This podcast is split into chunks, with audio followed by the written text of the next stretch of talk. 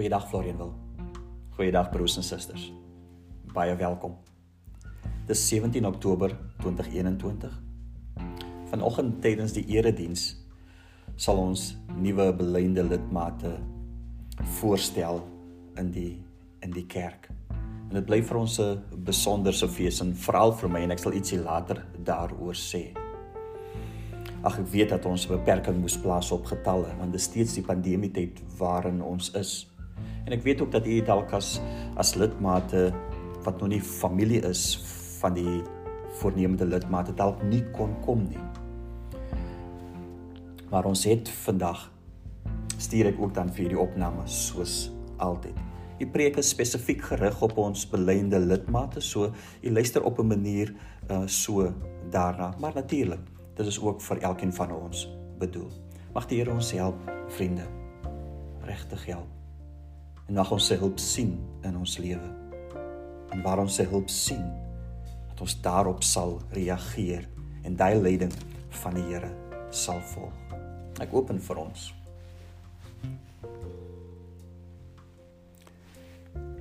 Liewe Heer, in hierdie oomblik van stilte.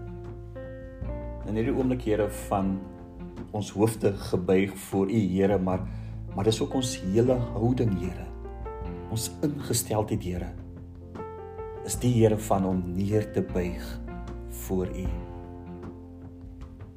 En ons gebed Here soos altyd stuur die lig. Stuur die waarheid Here. Amen. Broers en susters, genade en vrede vir julle van God ons Vader deur ons Here Jesus Christus heen deur die kragvolle werking van die Heilige Gees. Ons teksgedeelte vanoggend is in die boek Filippense. Filippense hoofstuk 2 van vers 12 tot 18. Ligdraers in die wêreld is die opskrif daarvan en ek sal dit lees van die 1983 vertaling. Die woord van die Here lees soos volg: my geliefdes. Julle was altyd gehoorsaam wanneer ek by julle was.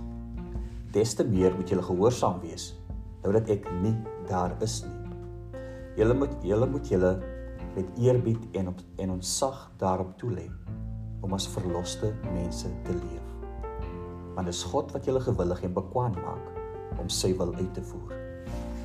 Doen alles sonder kla of teepraat. Sorg dat julle bo alle verdenking staan en opreg bly. Onberisplike kinders van God te midde van ontaarde en korrupte mense. Tree onder hulle op as ligdraers in die wêreld deur die woord van die lewe uit te dra. Dan sal ek op die dag van Christus se koms rede hê om trots te wees omdat dit sal blyk dat ek my nie verniet ingespan het nie en nie verniet geswoeg het nie. Julle geloof is 'n offer in diens van God selfs al word my bloed daarby as drankoffer uitgegiet. As ek daaroor bly, ja, ek is saam met julle almal bly. Dieselfde rede moet julle ook bly wees. Ja, saam met my bly wees. Tot sover die woord van ons Here Jesus Christus. Ons teks van ons denking is die laaste deel van vers 12 en vers 13. En hier, as ek dit lees, sal jy agterkom dat dit eintlik een sin is. Dit lees: Julle moet julle met eerbied en ontzag daarop toelê om as verloste mense te lewe. Want dit is God wat julle gewillig en bekwam maak om sy wil uit te voer. Ons tema vir vandag se diens is in Engels Human Responsibility and Divine Grace voorstellingsgeleentheid vriende is altyd vir my baie besonder. Ek moet ek moet erken.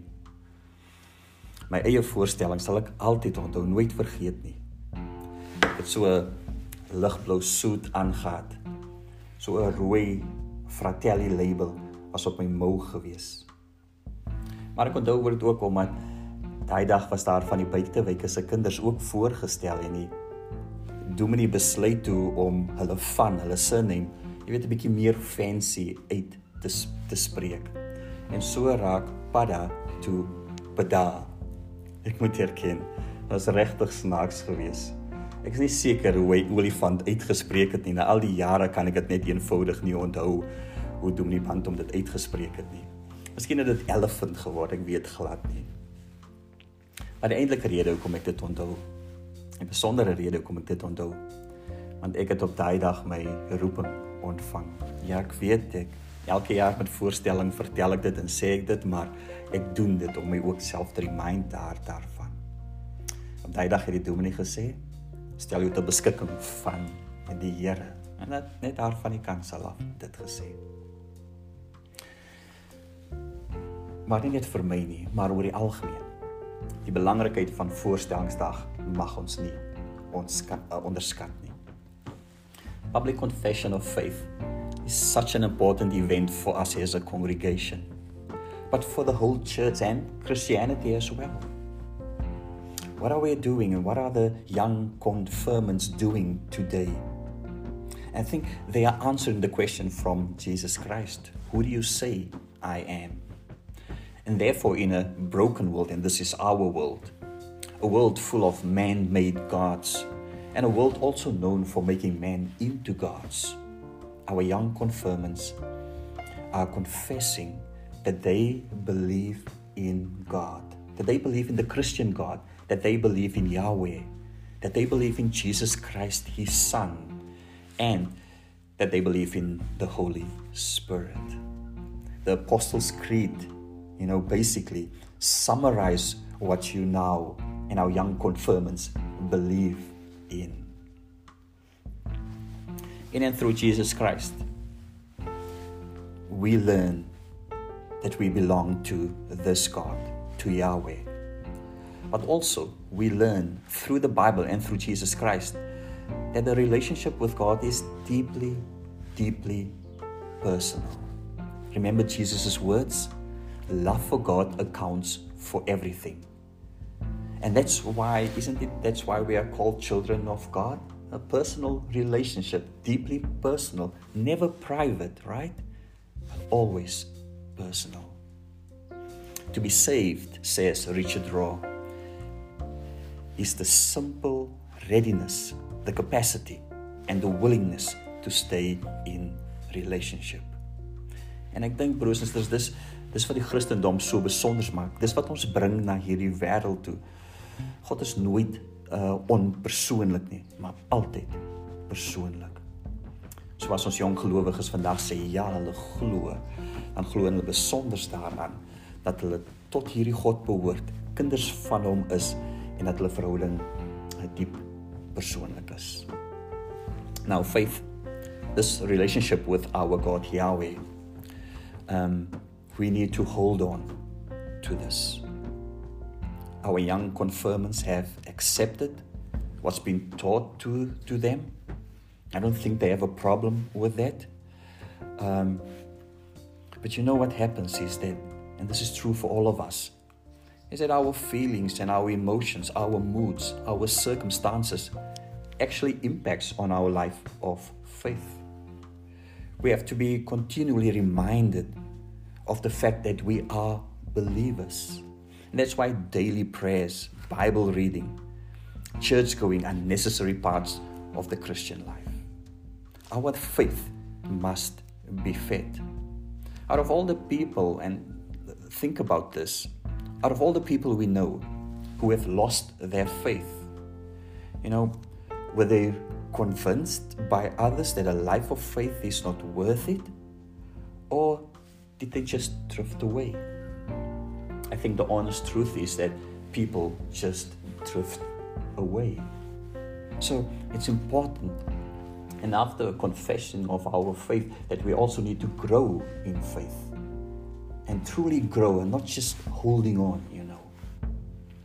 The book of Philippians wants to assist us with this. St. Paul had a very special relationship with the Christians in Philippi. It is in that city that he and Silas were put to jail for bringing unrest through their preaching. In that city, their prayers and worship miraculously opened the doors of captivity for them, and they were set free to continue the work of Christ. St. Paul has been encouraging the Philippian believers, and so do I today. I ask you and I encourage you to live worthy, a life worthy of your calling. I remind you, just as Paul has reminded the Philippian believers, that God has begun a good work in you and that God will complete it until the day of Jesus Christ. Philippians 1, verse 6. Verse 6. And I also, as Paul prayed for the Philippians, so I pray for you that you will grow in love and knowledge, so that you may discern the signs of the times and focus on those things that are close to the mind of God. Philippians 1 9 to 10. And I also join Brother Paul in calling upon you to adopt the mind of Christ. Philippians 2 verses 6 to 8. In Afrikaans sê die die vertaling die gesindheid van Christus dis wat ons moet hê. En as ons wil verstaan wat is hierdie gesindheid van Christus, dan kan jy daai besonderse lied lees van verse 6 uh, in hoofstuk 2, 'n besonderse hoofstuk wat vertel van Jesus Christus se selfontlediging. You know, he made himself nothing. He humbled himself. And this is also my prayer uh, for all of us that we should adopt the mind of Christ. And now, and this is our text for today, therefore, this is how Paul writes this. Therefore, my beloved, work out your own salvation with fear and trembling, for it is God who is at work. And this is most probably one of the best sentences in the Bible to describe how growth in a Christian will take place. And we change according to Paul in two ways. First, and this is the first part of our of our text of our verse. It's a verse about human responsibility. Work out your own salvation. Salvation salvation is not something we receive and then do nothing with it. No, Paul says we need to work at it. He's not saying that we should earn our salvation. That's, that's not possible. We can't do that. It's been given to us already. But he's saying, what does it mean to be saved in practice? You know, in, in, your, in our everyday lives. We have a responsibility and we can't deny this. When it comes to growth in faith or our relationship with God, when that needs to grow, there's no such thing as, as let go and let God. Not when it comes to growth in our spiritual life. Obedience is absolutely necessary. You know, you can't sit back. Um, and therefore, the text says, work it out with fear and trembling. In other words, don't do this casually. We have to remind everybody to take it seriously. And this is actually a call to arms. You know, this is to stand up and to fight uh, for growth in Christ, your relationship in Christ. Paul says in our text, he can no longer be with them. That's the Philippians. And therefore, he urges them to stay true to their calling. Because in Paul's absence, they might drift away. That danger is always there, and so for us as well. En ons erken, en dis ons ervaring ook, is ook 'n groot gevaar vir ons jong nuwe lidmate. Vir 2 jaar van katekisasie en nog jare van sondeskool was daar die bystand deur ander. Ons is dankbaar vir ons sondeskoolleiders en leiers en ons katekisasiemeesters en hulle vir arbeid in ons jong mense. Maar as daar nie gewerk word aan julle verhouding nie, dan uiteindelik sal hierdie hierdie geloof minder maak. Hulle verhouding in God net al hoe skraler raak. Is dit nie dan dat baie van ons jong nuwe lidmate eintlik maar net verdwyn nie? Want daar's geen moeite meer nie, nê? Regtervaar sê ons teks gedeelte met eerbied en ons sag daarop toelê om as verloste mense te leef.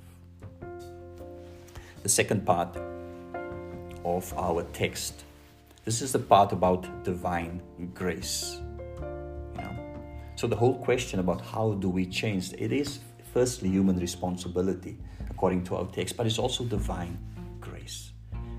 The text is actually saying God changes us. As a believer in Jesus Christ, God is at work in you, both uh, to will and to work for His good pleasure, says the text. En word God gee die gewilligheid. En God gee ook die optrede. God bewerk dit alles. Ons goeie optrede kom nie van onsself nie, maar God is die een wat daar agter sit. God therefore causes us and gives us the ability to work. God is also the source, the ultimate source of this ability to work. You know, to work out our salvation in our everyday lives. We have to hold on to both if we want to grow. Let me conclude with an image. Maybe this will help us also to understand this very special verse. You know, such a dynamic verse. So, John Ortberg, when he spoke about how we should grow in faith, compares it to crossing the ocean. If we set out in a rowboat by ourselves to cross the ocean, we'll never cross the ocean. We don't have what it takes, it's impossible for us. Also, if we on this rowboat decide we're just going to let it drift and therefore expecting God to blow us and the wind to blow us across the ocean, that won't work either.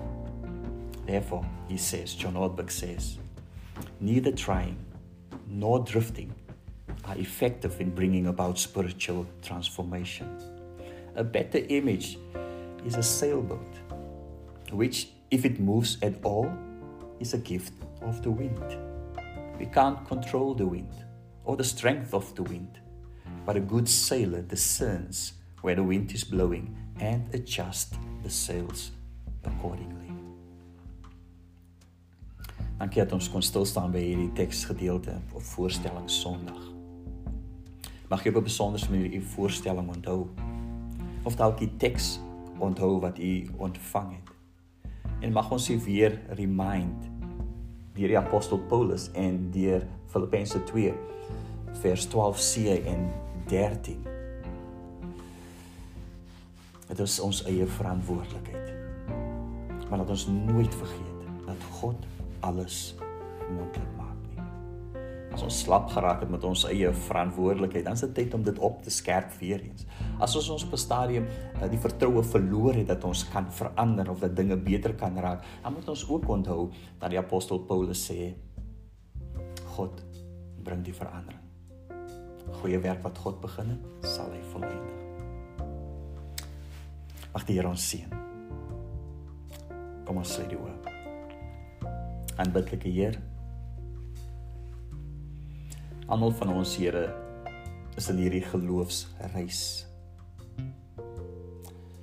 En Here wat eintlik moet gebeur is dat ons Here onsself uitstrek Here na die toekoms Here. Wat moet gebeur Here is dat ons met volharding moet hardloop. Wat moet gebeur as ons op die see seil? Here as ons die beeld kan onthou. Um en ons wil aan die ander kant uitkom Here dan weet ons ons kan dit nie sonder U doen nie. Maar ons het ook 'n verantwoordelikheid daartoe. Dit is presies Here wat ons glo as gereformeerdes ons verslap Here. Ons vergeet Here. Ons dwaal af liewe Vader. Help ons Here dat ons weer Here in vrees en bewering Here sal werk Here. Want Here ons onthou ook ons toekoms wat voor ons lê. Dankie Here vir die bystand in ons lewens. Seën ons jong lidmate, Hemelse Vader. Help hulle Heer. Help hulle Hemelse Vader. En as hulle nou aan die tafel aansit, Here, aan die nagmaaltafel, Here, voed hulle sodat hulle daardeur versterk kan word, Here, vir die pad wat voor lê. Seën ons nou Hemelse Vader. Die genade van ons Here Jesus Christus. Liefde van God ons Vader. Troos en bemoediging van die Heilige Gees is elkeen van ons se deel.